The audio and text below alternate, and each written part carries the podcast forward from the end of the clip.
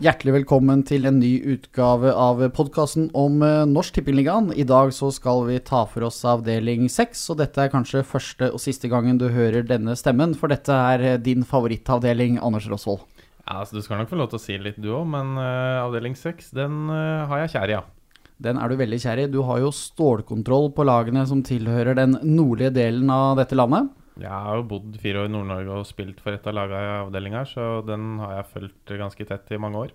Men nedover på, rundt Gardermoen så står det litt verre til med kunnskapene dine. Derfor har vi jo hentet inn en gjest denne gangen som skal dekke opp kunnskapsnivået vårt. Så hjertelig velkommen til deg, Ørjan Heiberg. Takk for det. Jeg skal prøve å dekke inn for uh, de høla Anders har.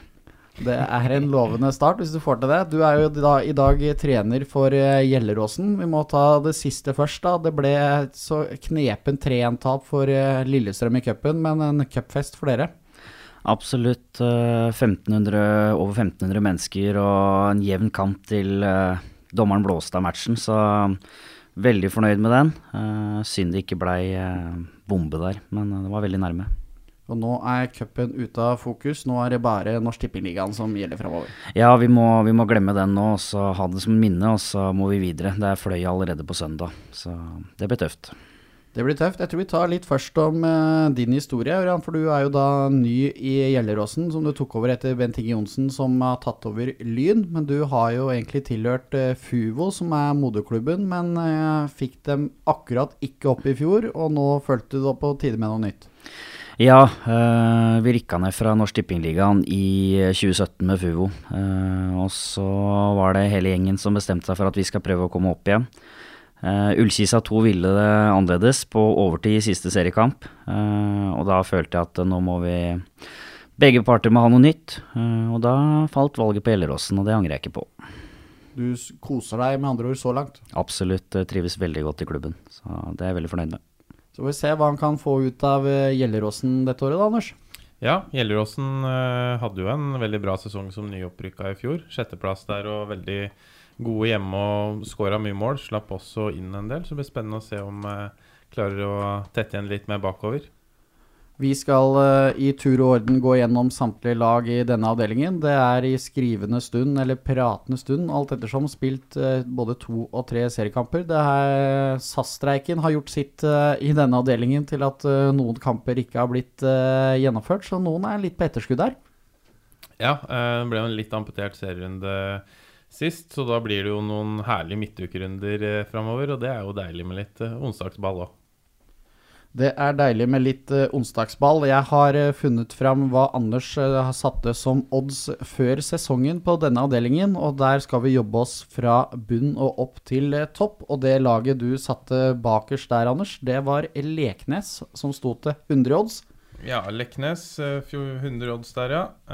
nyopprykka fra fjerdedivisjonen. Uh, i Hålogaland. Eh, hadde faktisk et bedre lag i fjor enn eh, de har i år. Det er jo eh, et dårlig utgangspunkt. da. Mista mange av de bærebjelkene som var med å sikre det opprykket i fjor. Markus Rolandsen han har vært i Alta, Raufoss og Finnsnes. Eh, Flytta hjem igjen til Svolvær og spilte for Leknes i fjor.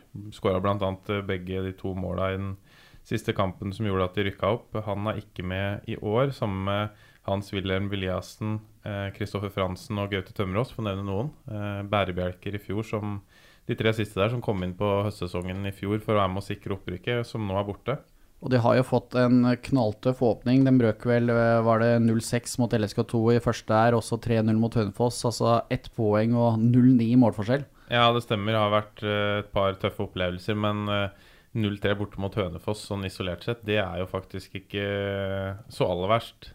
Har du fått lest opp noe her, Ørjan? Jeg har sett uh, alle kampene deres. Uh, de tapte 6-0 mot Lillestrøm. Da ble de ordentlig rundspilt.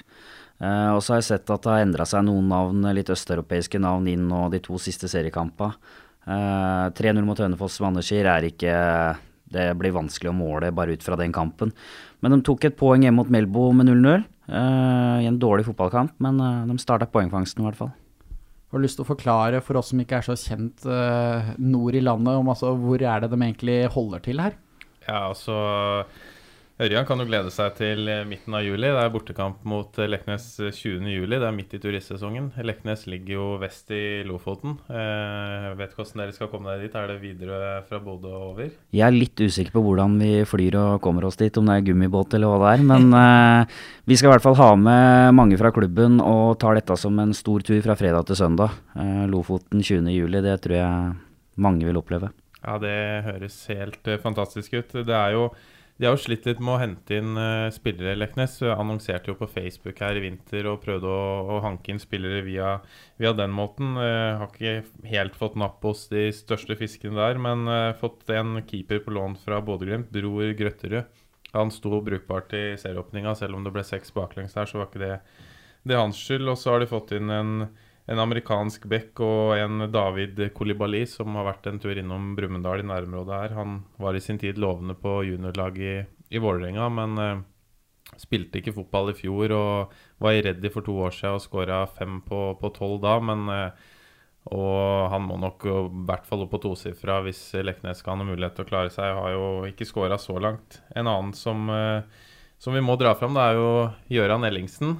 ja, nå får jeg beskjed om at jeg må må forte opp litt på, på tida her. Det er my mye som skal gjennom, men uh, Gøran Ellingsen han, uh, han en, har en fin historie. Han har vært skada i vinter og, og gjort, uh, fått spilt en B-kamp så langt. Han, han er, skal være i troppen igjen mot Finnsnes i helga. Han er fyller 42 i år. Det som er pussig og fascinerende med fotballkarrieren hans, det er at han la opp som 14-åring, gjorde comeback som 28-åring.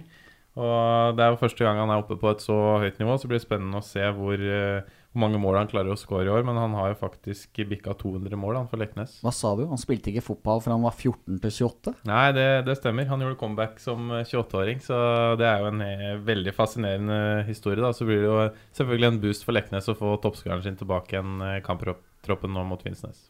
Det blir det for dem. Vi hopper videre, vi Anders, hvis det skal gå i dette tempoet. Hvis vi skal holde oss innafor en time, som vi har sagt. Eh, neste lag jeg har på lista mi, det er eh, Skjetten. Det er vel et lag som berga seg med seks poengs margin i fjor. Har fått en tung start i år. To tap og en utsatt kamp.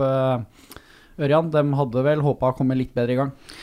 Ja, jeg så hjemmekampen deres mot uh, Skjervøy når de tapte 1-0 på langskudd fra Skallebø der. Uh, den kampen kunne vippa begge veier. Uh, det som er litt spesielt med Skjetten, er at de uh, mista 70% av spillerstallen etter sesongen i fjor. Og 15.1 så sto de uten en eneste spiller på kontrakt. Så, så Tom Gulbrandsen, eller Bukken som han er kjent som, Martin Rosenkilde og, og flere bortpå her jobba veldig godt for å få på plass en spillerstall. så jeg tror Skjetten vil komme, og jeg tror 13.-plass er litt lavt. Ja, Så de, har, de, trenger litt mer tid på seg dem da, for å komme i gang, egentlig? Ja, jeg tror det. Eh, de spiller en enkel type fotball, 4-4-2, eh, direkte i stilen. Eh, har en bra sentrallinje med Rosenkilde, Rydje, Fabian Egbele, Stafford fra Koffa eh, osv. Så, videre. så jeg tror de klarer å unngå nedrykk, i hvert fall. Ja, det blir, blir spennende å se. Det er jo veldig mye nytt der. Jeg syns de hang bra med bort mot et veldig sterkt Ullkisa 2-lag. Tapte 2-4 der, men siste målet kom på overtid. Det var jo Ole Andreas Nesse som skåra hat trick for Ullkisa 2. Det var vel en fem-seks mann fra Asdalen, så at eh, Skjetten kommer eh, bedre utover sesongen, det, det tror jeg. Tror du de berger seg? Uh, ja. Uh, de spilte cupkamp i går mot, uh, på onsdag, med det, mot Lørenskog. Røyk på overtid der, ikke i Alba. 3-2 til uh, Lørenskog. Uh, jeg tror den berger seg. Uh, ankepunktet er keeper. Uh, Konrad Kaputza er ikke noe matchvinner, tror jeg. Så hvis de klarer å få holdt tett bakover, så vil de alltid skåre mål, for de har mye spennende spillere offensivt. Men det blir spennende å se med Skjetten. Det blir spennende å se med Skjetten, som da sto til 100 odds for å vinne avdelinga. Vel å merke altså da avdelingsoppsettet ble sluppet uh, før jul. Vi hopper videre til laget med i hvert fall det kuleste stadionnavnet i uh, hele Norsk Tippeligaen av alle 84 lag. Vi skal til Havfisk eh, stadion, en favorittarena for deg, Anders? Ja, Den er veldig fin, og i fantastiske omgivelser da, i Melbu i Vesterålen. Jeg var jo Ørjan så uheldig her at jeg måtte spille første serierunde der, for da var ikke banen klar. Så da ble det inne i Blåbyhallen på Sortland i stedet. Eh, men de som skal oppover dit i løpet av sesongen, de får seg en, en fin eh, skue utover der. Fantastisk natur og, Og et eh, lag som er forsterka sammenligna med fjoråret. Nyopprykka i fjor klarte seg i siste serierunde da med litt hjelp, faktisk. Eh, Mista keeperen sin, Jevgenij Sasnovs, til nyoppstarta Rana fotballklubb, men en veldig god erstatter der i Kai Kamsvåg, som er fra Lofoten. Kommer fra Mjølner nå, har også vært innom Skarp i Tromsø. Og også fått inn en rumensk keeper som er reservekeeper, i hvert fall nå fra starten av. Og så er det jo greit å ha to gode keepere, for i fjor så måtte de ty til noe fryktelig nødløsninger der når han Jev var ute med, med skade der. Så det, det, er godt forspent på keeperplass. Og så har de mista Torjus Nikolaisen. Han er på lån eh, i Nordkjosbotn ut vårsesongen i første omgang. Han eh, slet litt i fjoråret med mye skader, men eh, skåra 50 mål på to sesonger før det. Men hvis vi ser spillere som har kommet inn, så er det en eh, man må sette to streker under. Det er Peter Aas.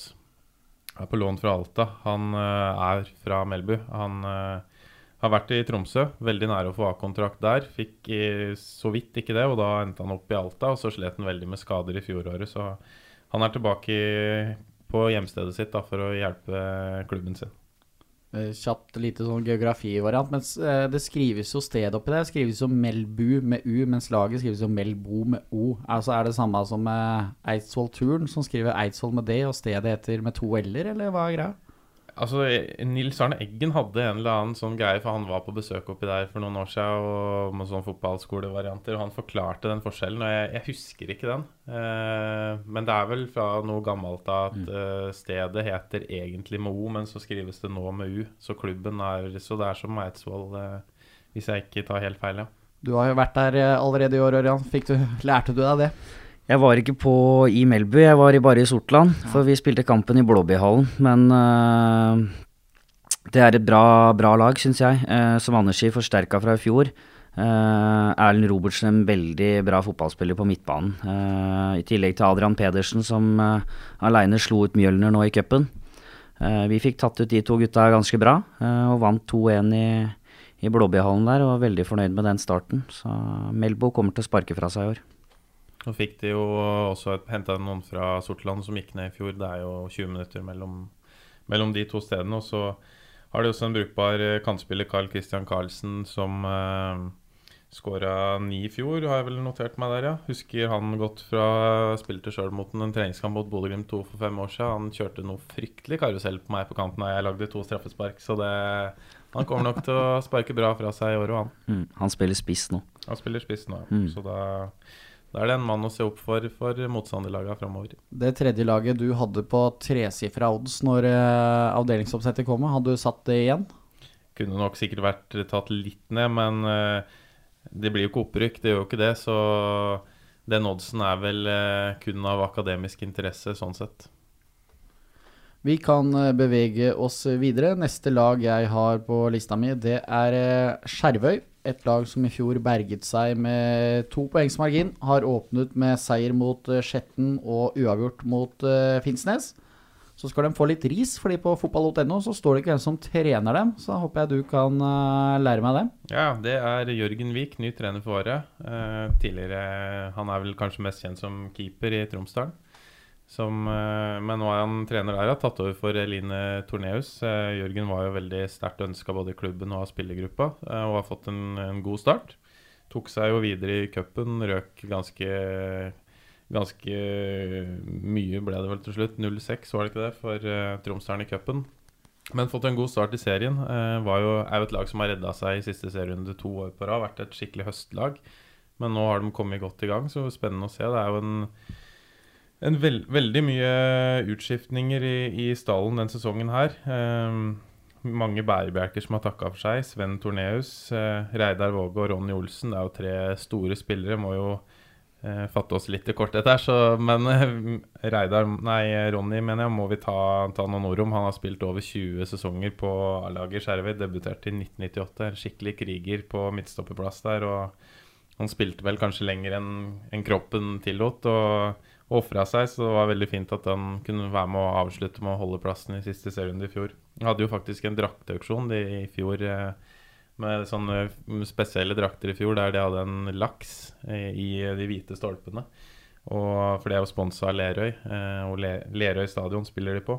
De draktene var det auksjon på, og jeg vant eh, drakteauksjonen på drakta til Ronny. Betalte vel en tusenlapp, tror jeg, for den drakta. Den eh, henger hjemme i leiligheta, men sett i etterkant da, at han la opp, og det var den siste drakta han brukte, så har jeg nesten lyst til å donere den tilbake til eh, klubbhuset til Skjervøy. Så hvis det er noen som hører på fra Skjervøy, så kan de ta kontakt, så skal jeg få sendt den oppover. Den, den bør henge på klubbhuset, ikke hjemme i leiligheta mi. du er en syk fyr. Har du noe å tilføye av eh, Skjervøy, Ørjan? Nei, Anders dekker, dekker, det meste. Det er litt generasjonsskifte der nå, uh, så de har uh, bytta ut en del. Uh, men jeg syns de har en av divisjons beste spillere, eller avdelingas beste spillere, Ørjan Skallebø, nummer åtte på, på spissplass der. Anvendelig, rask, sterk, god høyrefot. kommer til å skåre mellom 12 og 18 mål et sted. Ja, det var da spesifikt, egentlig. Mm. Han skåra 12 i fjor, så da blir det en, en, økning i år, da. Må ta litt mer ansvar i år når flere av de bær, bær, bærebjelkene har gitt seg, så jeg støtter den. Eh, Avdelinga består også av eh, noen rekruttlag. Vi begynner så vidt med Ullkisa 2, altså laget som snøt deg for et opprykk i fjor, Ørjan. Den var sur? Det var veldig surt. Eh, fem minutter på overtid. 2-2 mellom Ullkisa 2 og Eidsvoll IF, og så skårer Kisa og rykker opp. Men Sett i etterkant så, så er det vel greit at uh, Kisa gikk opp. Det var et veldig bra lag som stilte uh, mange fra A-laget og jevnt hele sesongen. Så mange som klager på de andre lagene, men uh, ikke noe klager på Ullkisa i fjor. Starta sesongen i år med ja, de tapte 4-3 mot Fløya borte. Uh, Sparka godt fra seg der. De uh, spilte en jevn kamp mot Skjetten nå, men har A-lagsspillere som kommer ned og, og skårer mål. og det, det må de fortsette med hvis de skal skal klare seg i divisjonen. Ja, Hvordan tror du de kommer til å stille utover i sesongen? Det er jo mange lange turer her. Det blir vel som Lillestrøm, det. Det er å slå Romerikslaga hjemme og borte. Og så er det å vinne hjemme mot uh, nordlandslaga. Og så er det junior, junior 2 på borteturer til Nord-Norge. Bra for de laga oppe i nord, da, i hvert fall når det kommer til Sisa 2. Ja, men med de reglene vi har med, med reisevei og, og, litt sånn, så, så, kan det bli vanskelig å få sendt opp uh, Um, sendt opp så veldig mange A-spillere, så det, det er jo litt sånn, sånn, det nesten må bli. Men uh, nå hadde de jo et ungt lag både borte mot Melbo og borte mot uh, Fløya, og tapte bare med ett i de to kampene og, og skåra tre på Fløya Arena. Det tror jeg ikke er mange som gjør i år, så de har jo mye god, mye god, mye god unggutter òg. Så Eh, det blir nok ikke noe kasteball på bortebane, selv om de sender et tungt lag. Det tror jeg ikke. Absolutt ikke. Det I bortekamp mot Melbourne så burde de tatt med seg poeng på slutten, og de skyter i tverrleggeren tre minutter på overtid på 3-2. Så mange unggutter der, men det er klart når du får elleve av dem, så, så, kan det bli tungt. Jeg så både Melbo og Fløya nå, så hadde de med tre-fire, og det, det hjelper veldig, altså. Istedenfor at du står der med en gjennomsnittsalder på 17,8. Det er tungt. Ja, og mens det, de lagene i Nord-Norge kanskje har en fordel av å ha Ullkisa 2 i sin avdeling, så er det kanskje omvendt med Bodø-Glimt 2, da. For der er det heller juniorer som kommer andre veien. Ja, det kan nok stemme. I 2017, når vi var i denne avdelinga med Fuvo, så så stilte de Nordlands andre laga, de stilte jevnt uh, hele veien, egentlig. Uh, mye ungt. Da gikk Tromsø 2 ned, men uh, jeg tipper både Tromsø 2 og Bodø-Glimt 2 kommer til å stille et mye jevnere, yngre lag enn enn hva Lillestrøm og Ullkisa kommer til å gjøre. Her får du slå til. Hva kan Glimt 2 tilføre? Ja, det, det er riktig det som Ørjan sier. De stiller generelt et ungt lag, men vi så noen kamper i fjor. Da gikk de opp fra en en tynn uh, fjerdedivisjonsavdeling. Det var bare ni lag der. Uh, men da stilte de bl.a. De møtte Mo IL i, en kamp på vårsesongen der som skulle kunne bli avgjørende. Og da stilte de bl.a. med Sinkernagel, Fardal Opseth og Håkon Evjen. Og Fardal Opseth skåra hat trick på en omgang, så de kan stille noen brukbare spillere, de òg. Så jo første hjemmekampen i år mot Junkeren. Da hadde de med Endre Kupen og han uh, reservekeeperen, han vi ser hva han het igjen. Eh, Kaikin. Det står Haikin på fotball.no. Han er både russisk og israelsk pass. Eh, så det har jo med, med noen i ny og ne. Men på bortekampene de har spilt eh, så langt, så, eller den ene de har spilt, da, så mot Hønefoss, da var det ganske ungt. Det var det. Da var det ikke reservekeeper heller, som de fikk merke. På 2-0 så gikk keeperen ut med skade. og utespiller i mål, og da rant det på. Eh, forskjellen var ikke 6-0 på Hønefoss og Bodø-Glimt 2. Nei, det syns ikke jeg heller. Syns Bodø-Glimt hang veldig bra med fram til den uh, straffa kom på 2-0. De har jo mye gode unggutter, bl.a. Runar Hauge og Ask uh, Kjærhansen Skau. Det er jo to U-landslagsspillere der, så de drives jo veldig godt. Og det er jo et, det er jo et stort område de kan plukke spillere fra. Tradisjonelt sett mye gode unggutter, så det blir spennende å se hvordan de kan gjøre det på det nivået her. Det er første gang de er oppe på, på det nivået her. Ja, og de har jo uh, bare spilt uh, to kamper så langt, for det var jo da kampen mot uh, Finnsnes som ble utsatt, og der var det litt bråk, skjønte jeg. Ja, hvor skal vi begynne?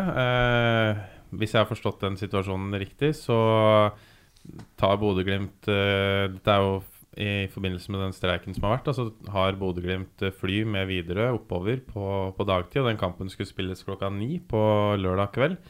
Eh, det skulle være en happening på Finnsnes der, men eh, damelaget skulle spille tidligere på kvelden. Eh, og så har jo ikke Bodø-Glimt fly ned igjen, for det er, blir kansellert. Da får de tilbud om å overnatte og kjøre buss ned en dag etterpå. Det er vel sju timer og en liten fergetur, og ikke noe som er uvanlig i Nord-Norge. Men da tar treneren til Bodø-Glimt 2 en spansk en og kontakter forbundet og sier at de er enige med Finnsnes som må utsette kampen. Og så blir kampen utsatt, og så lurer jo Finnsnes på hva er det som har skjedd her. Og da sier de nei, Forbundet sier jo nei, dere var jo enige om å utsette kampen. Nei, vi var ikke enige, sier de. Men da, da er det for sent, på en måte, og det syns jeg er eh, Ja. Eh, du skjønner hvor jeg vil hen, men det syns jeg er eh, smålig av Bodø-Glimt 2. Den sju timers bussturen hjem på søndag dagen etter kamp, det kunne de lett klart. Og ødelegger det arrangementet for Finnsnes, det, det syns jeg ikke noe om. Så det er kaktus til Bodø-Glimt der. Vi kan hoppe over til et annet andrelag i nord. Eh, Tromsø 2 har åpnet sesongen med tre poeng på tre kamper. Røk sist nå mot eh, Fløya. Er det litt eh, samme der? Ja, Tromsø 2 eh, er jo mye samme som Bodø-Glimt. Gode unggutter. Eh, fyller på litt fra A-lag her og der. Eh, kjørte over Hønefoss nå hjemme og vant 4-1. det er tungt å komme til Alfheim, det er en stor bane. Uh, ballsikre Tromsø-gutter, så Tromsø 2 er litt uh, vanskelig å spå. Jeg tror de kan ta en del poeng på hjemmebane, men uh, det virker jo som det blir ganske ungt, da, som det var for to år siden, da de gikk ned. Og de er avhengig av å få med seg noen fra A-laget. Hadde jo med Sigurd Grønli Oliver Kjærgaard i, i første kampen mot Junkeren. Da røk de 0-8 i Nordlandshallen. og ja, De er nok avhengig av litt, uh, litt hjelp på de bortekampene, tror jeg. Men jeg, jeg har kikka litt på de, de, neste kampene dem, Så de fire neste så spiller de dagen før eller samtidig som A-laget. Bl.a. borte mot Gjelleråsen så spiller jo Tromsø sitt A-lag borte mot Strømsgodset samtidig. Så da blir det jo rent juniorlag. Og det, jeg tror det blir litt tynt i lengden. Det har jo vist seg før at uh, hvis du skal holde deg på det nivået her, så er du avhengig av å ha med litt spillere fra Asdalen. Men det er ingen, ingen tvil om at uh, de andre lagene her, altså det er andre lag som ønsker å spille på det nivået her.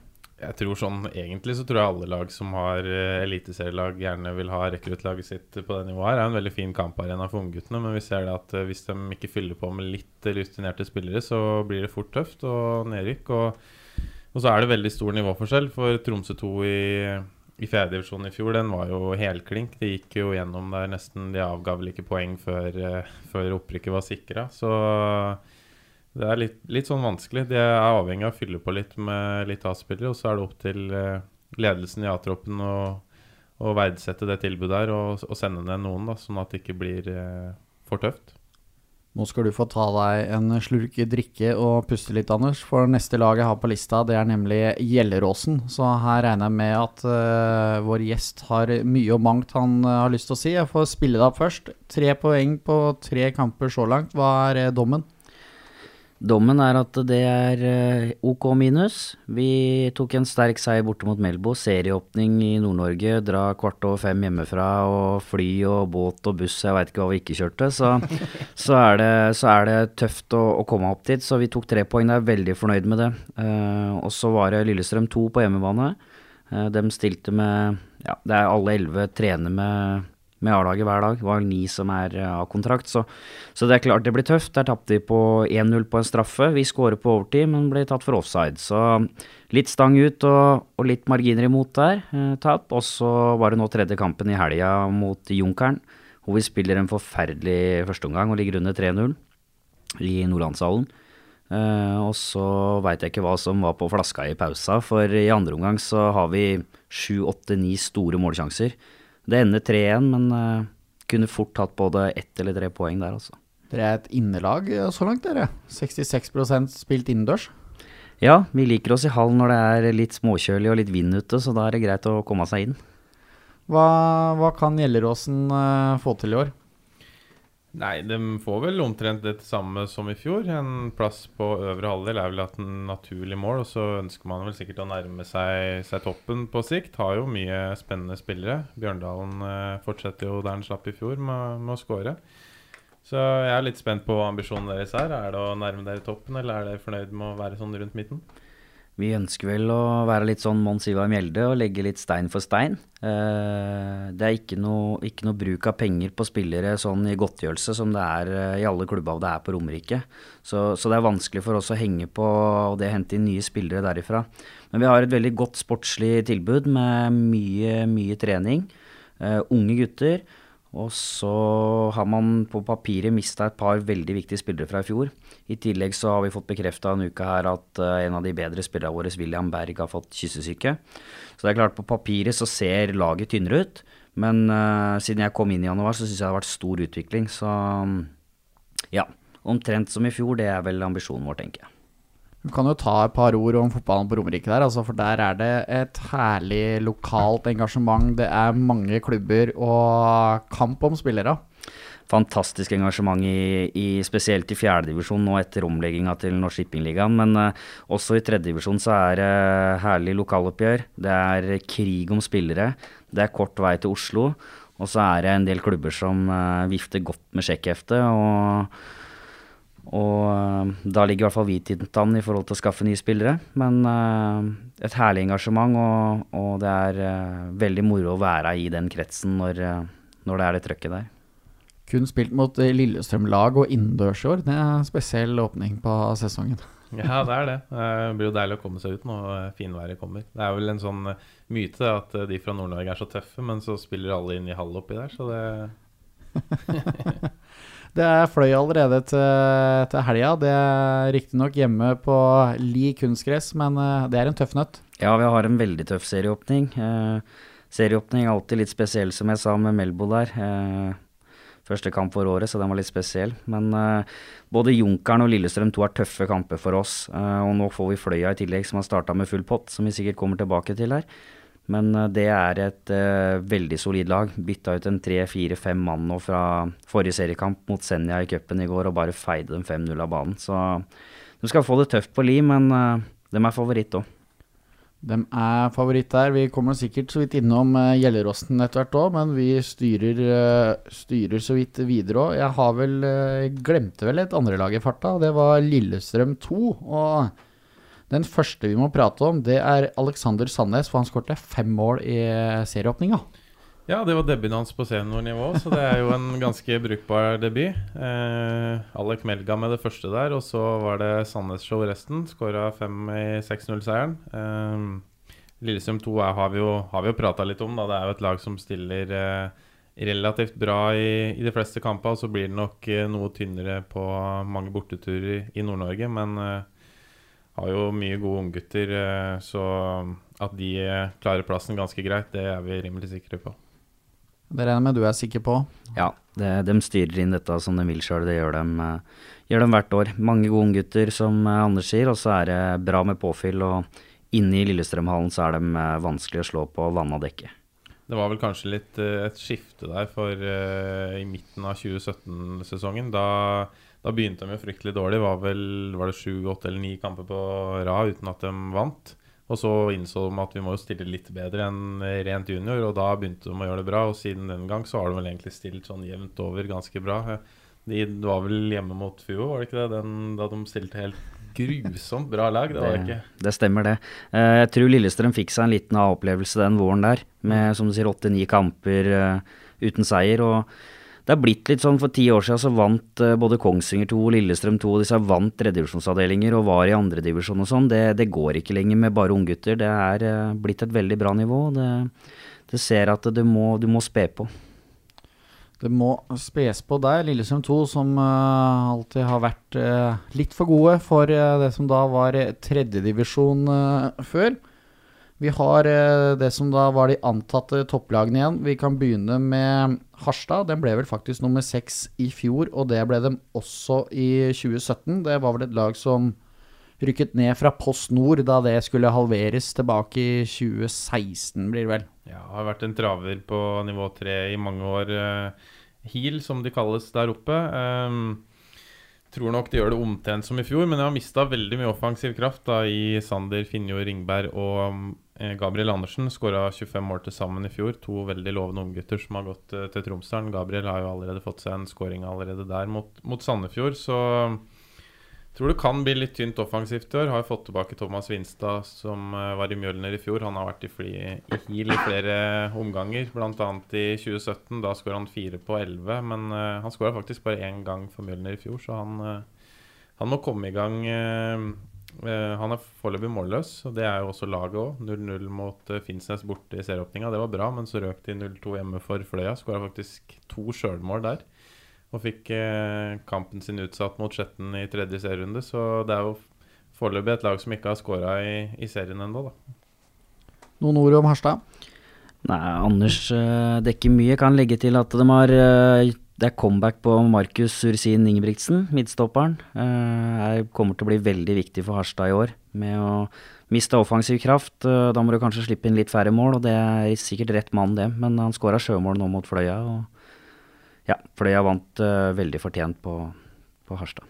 Ja, han er jo en uh han var jo en, eh, en, av de fremtredende spillerne der for ti år siden, da de eh, var et bra andredivisjonslag. Var jo også innom Asker og spilte fast i Adeccoligaen der. Har vært i Mekkila et par år nå og spilt fjerdedivisjon, og rett inn igjen som kaptein i midtforsvaret der. Så, så det er en viktig spiller. Eh, og så er det en ny trener, Jostein Kayandi. Men en ting som var litt skuffende, jeg ser på fotball.no at det er registrert eh, 137 tilskuere i hjemmekampen mot, mot Fløya forrige hjemmekamp der. Og det er en by med 25 000 innbyggere og en del eh, kommuner i nærområdet der med mye innbyggere òg. Eh, og det er byens beste lag, så jeg må si det er litt skuffende når de eh, spiller toppkamp der mot Fløya, at det ikke kommer flere enn 137 å se på. Folk må komme seg på kamp. Ja, helt enig. mange var det dere hadde på onsdag?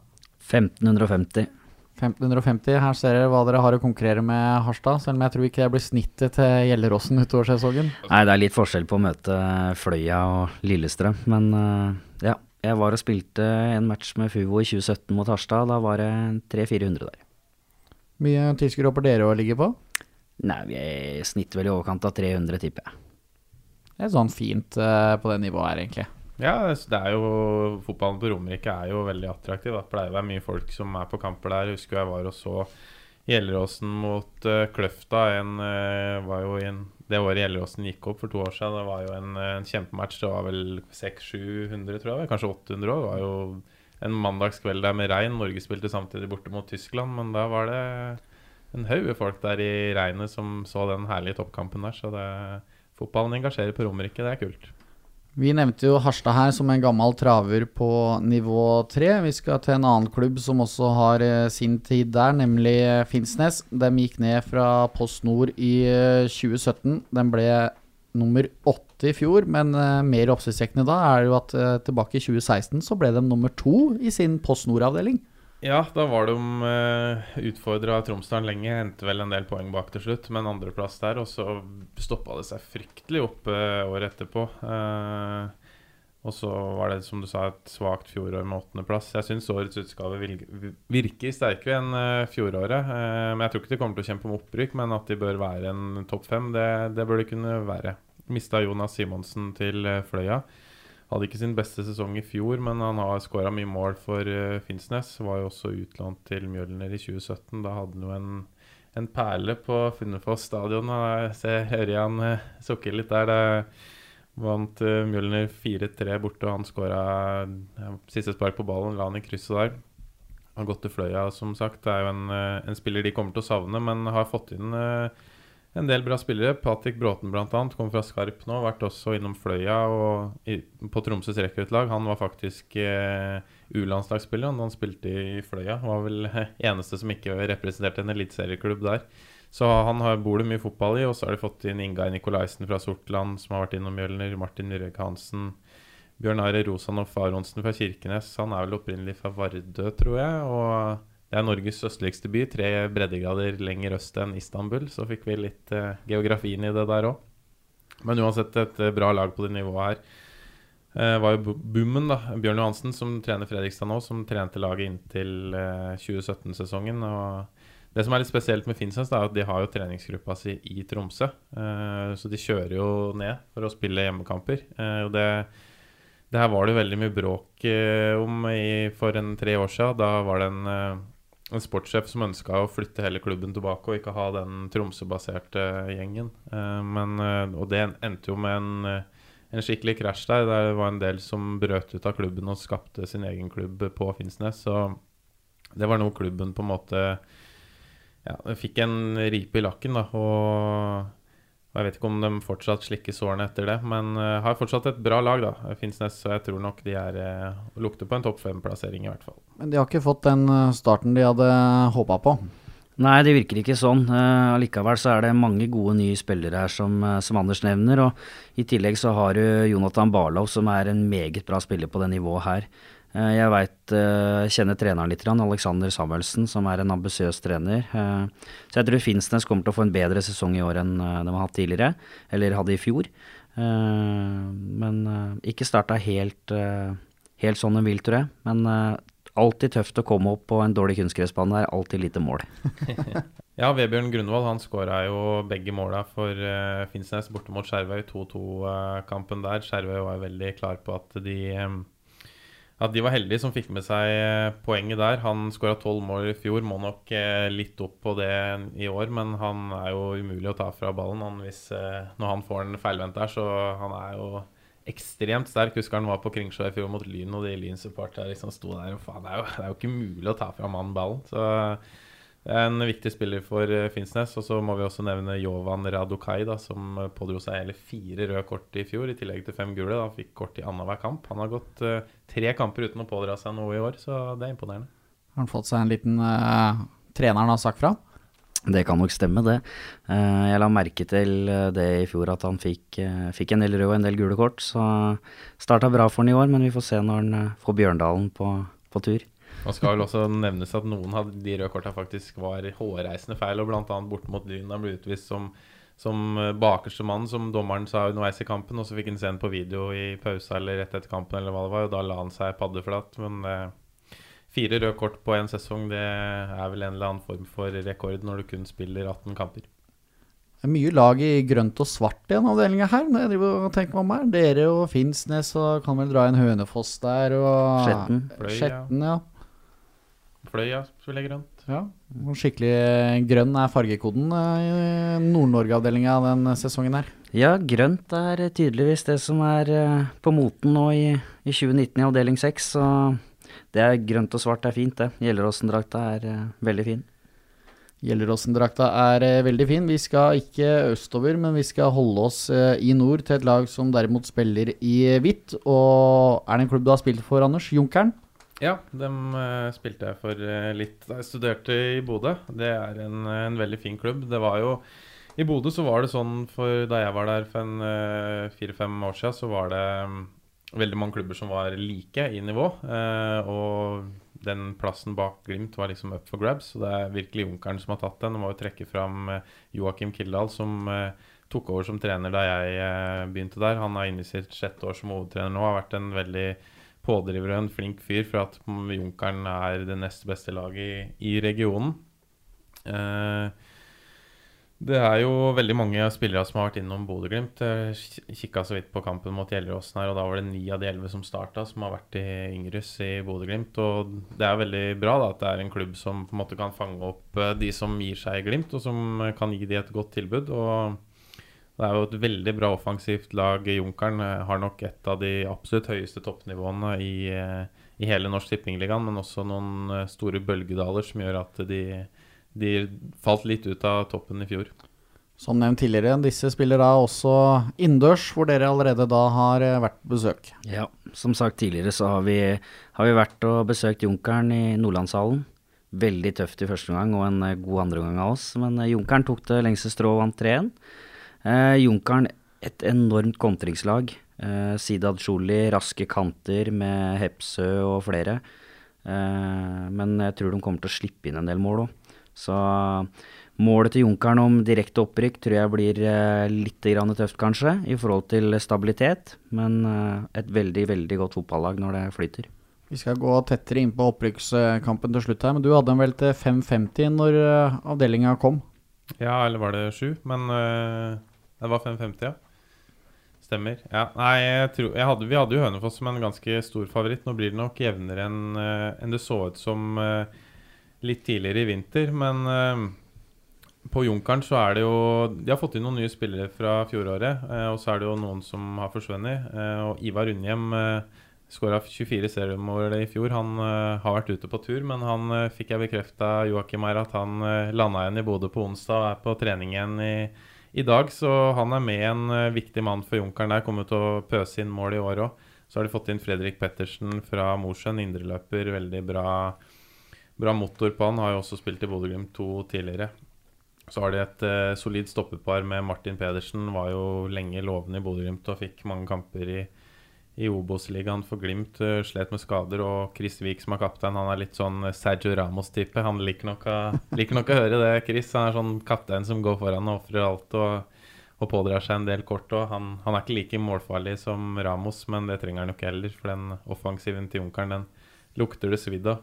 Hadde jo to helt elleville resultater i fjor, da. To første seriekampene. Vant uh, 14-0 mot Sortland og 8-0 mot Korsvoll. Og så vant de med 8-0 i første kamp mot Troms 2 i, år òg. Så det er et lag som skårer veldig mye mål. Og som Mørjan sier, så tror jeg også de kommer til å slippe inn mye år òg. Det er et lag som eh, satser på fin offensiv fotball, og da blir det ofte litt, eh, litt for ambisiøst. Og, og, det renner litt inn bakover. Eh, I fjor så hadde de et tak på 50 mål på skåringskontrakta si. Jeg kjøpte en skåringskontrakt før sesongen og sa at det, det er vel i overkant pessimistisk, og den var jo over halvparten på de fire første kampene. Så det, de kommer nok til å skåre veldig mye mål i året, og så blir det nok eh, fort litt for mange baklengs til at de ender på førsteplass.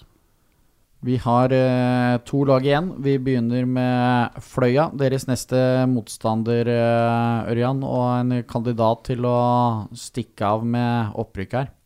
Kun sett uh, Fløya på video, men uh, ser veldig solid ut.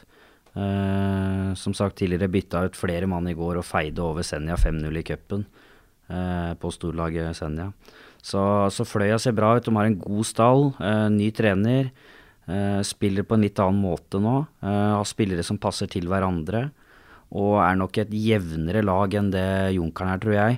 Men skårer nok ikke 100 mål i hver kamp, men de er et solid fotballag, så jeg tror Fløya kan utfordre Hønefoss helt inn.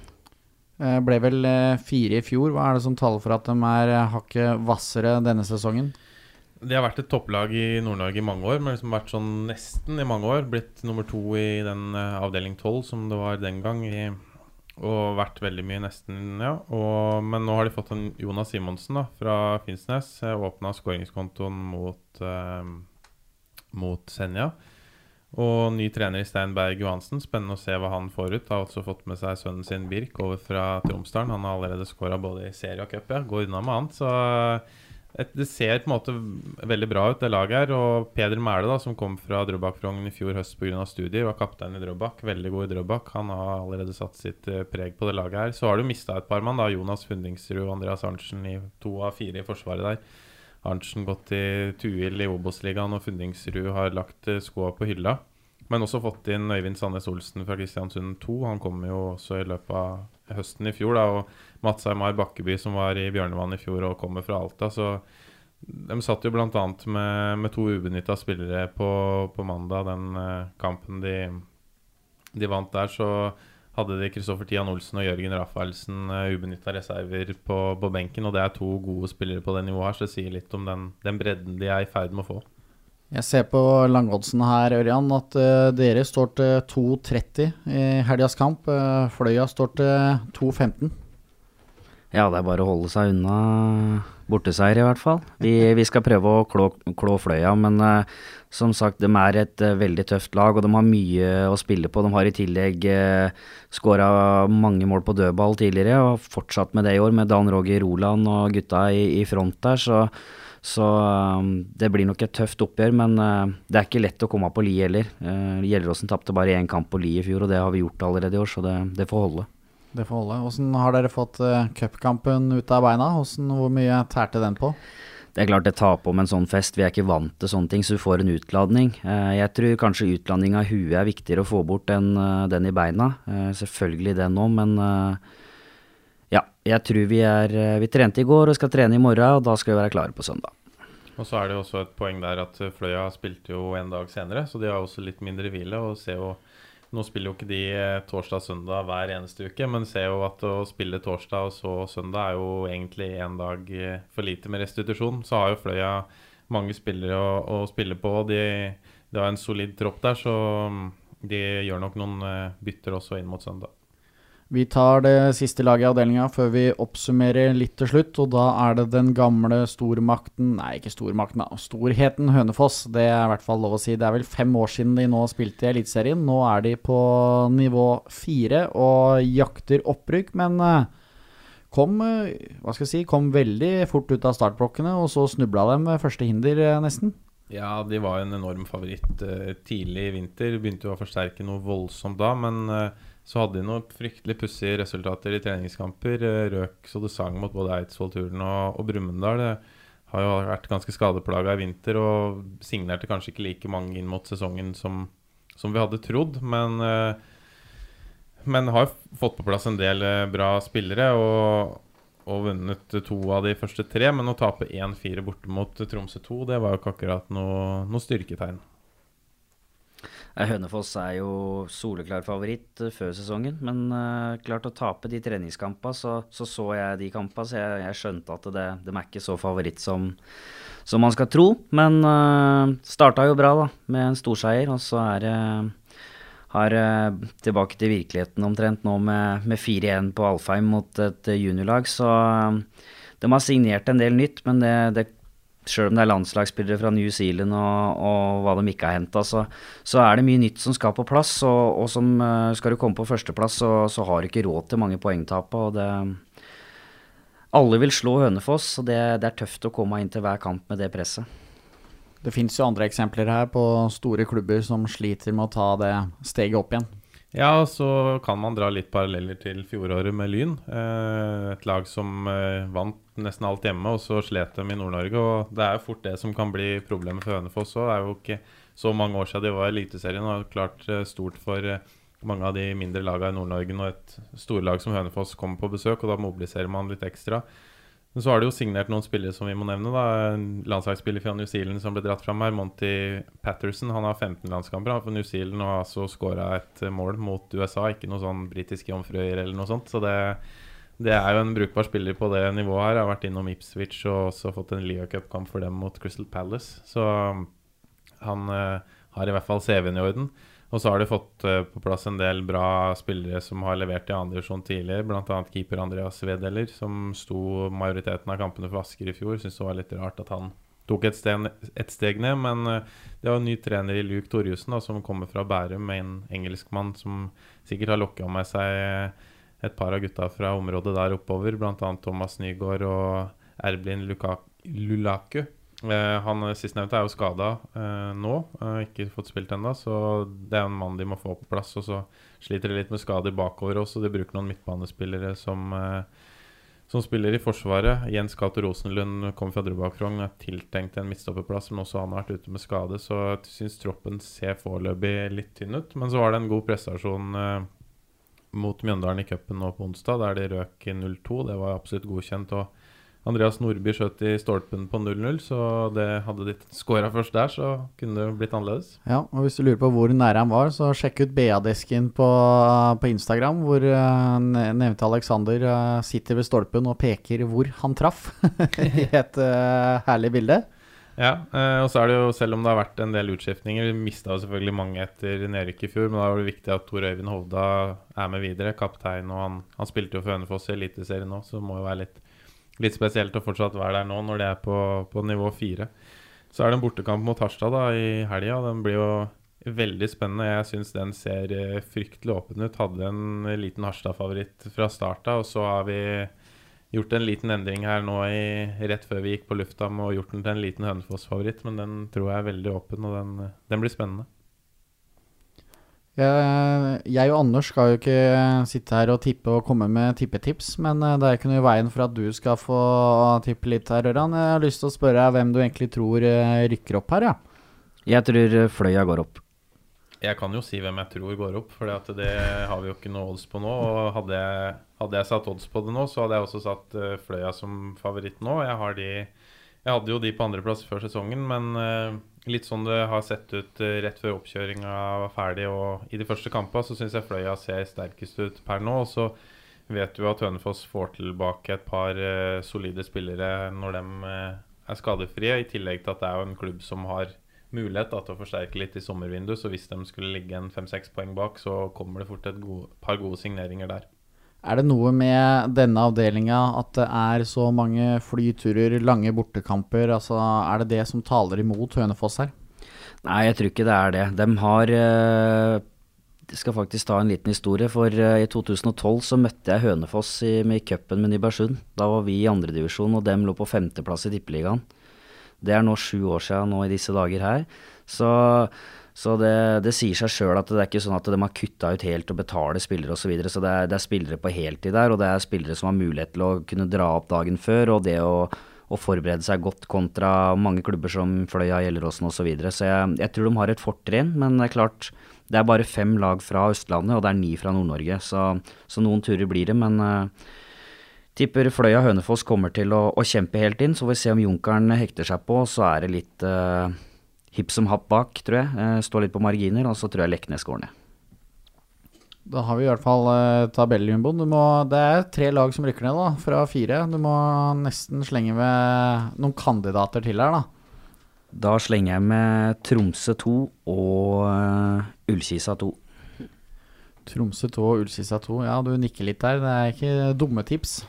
Nei, Hvem som tar de to siste nedrykksplassene, det, det, må jeg si jeg er veldig usikker på. Jeg tror det blir jevnt i bånn der. Og, og Ullkisa 2 tror jeg holder seg, men, uh, men Leknes tror jeg dessverre får det for tøft. Som vi prata på i, i, innledningen av podkasten her, så er det et lag som var bedre i fjor enn i år. og det, det er et dårlig utgangspunkt når du skal opp et nivå, så dem tror jeg dessverre for dems del får det tøft. Men uh, får håpe de bruker det året her uansett uh, til god læring. Og så er det jo ikke noe i veien for å å ta fart og komme opp igjen da, hvis det skulle bli nedrykk. Debatten er jo stor rundt uh, Norsk Tippingligaen. Altså, du har uh, folk som uh, hater det, som gir seg med fotball pga. disse lange reisene. Du har andre, andre enden av skalaen i Anders, som elsker, elsker den avdelinga. Du har vært en del av det her nå i hvert fall to år. Altså ett år med Fuvo og nå med Gjelleråsen. Altså, hva tenker du om at dere må oppover ni turer? Det er klart, det er jo i overkant, men de laga i nord de har lange turer seg imellom, dem òg. Så det er vel mer at vi, i de tettbygde strøka som Oslo og Stavanger og Bergen osv. ikke er vant til å reise så, så langt. Så, så, det er litt nytt. Men uh, sånn sportslig sett så tror jeg dette er veldig bra. Men det er klart uh, man ser at det er yngre tropper i, i Norsk Tippingligaen nå enn det var i tredjedivisjon før. Det, det, er en grunn til det. Og Når du sier at jeg er i andre enden av skalaen, så må jeg få korrigere deg litt der. Da. For jeg er jo av den klare oppfatningen at 1-1-3-9-27 eh, er den beste løsningen, der vi hadde hatt én ekstra avdeling i Post Nord og tre ekstra avdelinger i Norsk Shippingligaen, sånn at det uh, hadde vært sømløst med tanke på opp- og nedrykk. At det kunne vært, uh, vært tre ned som det er nå, men da uten noen kvalikmuligheter osv. i, fjerdedivisjon. Og i tillegg så hadde vi fått noen flere avdelinger, litt kortere reiser, kanskje litt flere spillere som hadde vært med lenger på det nivået her. og jeg tror det hadde vært en, en, fin løsning. Det hadde ikke gjort så mye med nivået å ha tre avdelinger til og én til i PostNord. En vesentlig faktor til her er eh, økonomi som spiller inn, spesielt for oss. Vi ser vi reiser for mellom 400 og 500 000 i år. Vi, klart vi får litt tilslag fra, fra NFF, men, eh, men må, klubben må ut med flere hundre tusen. Og det er klart det er penger som eh, vi kunne brukt på utvikling av anlegg, barn og ungdom osv. Så, videre, så så det er, eh, det er, tøft økonomisk også, så med den løsninga som Anders nevner, så kanskje vi kunne redda inn, eh, redda inn, litt av det. Ja, og så er jo det her et, eh, det skal jo på en måte være et hobbynivå på nivå fire. Man spiller jo fordi at fotball er gøy, og når du må bruke på de verste reisene, så må du kanskje reise fredag ettermiddag og komme hjem igjen på søndag kveld, i, sånn i worst case. Hvis det er f.eks. Skjervøy borte, Da, når du må fly til Tromsø og enten ta båt opp eller kjøre bil eh, fire timer hver vei, så er det vanskelig å komme seg opp og ned på samme dag. Så det Sånn, eh, sånn, er det bare. Det, vi har vært uh, igjennom uh, samtlige lag, og som jeg nevnte her, så spiller vi inn denne da på hvilken datadag? Fredag 3. mai, tro. Så vi skal ja, få lagt ut den mens uh, den Det er jo fjerde runden på papiret, selv om noen bare har spilt to. Dere skal opp mot Fløya på søndag, Ørjan. Ønsker selvfølgelig lykke til der. Hvilke kamper har du pekt deg ut? Skal du på noen live i helga? Nei, jeg skal i hermetegn dessverre jobbe, så det blir vel mest på stream i helga. Ingen kamper live. Mange kamper blir live på deg i helga, Ørjan? På meg i helga så blir det to kamper live. Den ene fra fjerdedivisjon, Fuvo Fjellhamar, og så blir det Gjelleråsen eh, Fløya på søndag. Eh, det er det man rekker i helga, men det, eh, på Mac-en går det an å se mange kamper både live og i etterkant. Ja, det er jo fantastisk tilbudet som man har gjennom eh, direktesport.no. Signer, eh, signer seg, abonner der, så får du med deg så mye som mulig.